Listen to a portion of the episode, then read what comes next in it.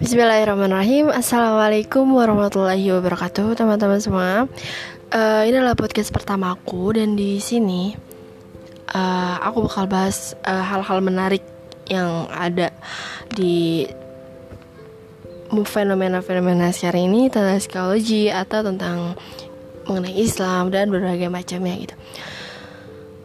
Uh, Kenapa aku lebih memilih podcast hmm, Pertama Aku lebih senang menurut aku podcast itu lebih santai ya. Jadi podcast ini kan uh, dia hanya merekam suara saja dan kita nggak perlu ya namanya untuk rapi-rapikan diri gitu. Maksudnya kalau kita buat video itu kan kita harus uh, benar-benar rapi. Karena kan harus menarik mungkin bagaimana orang tuh bisa uh, tertarik dengan konten yang kita buat gitu loh. Nah uh, makanya aku lebih memilih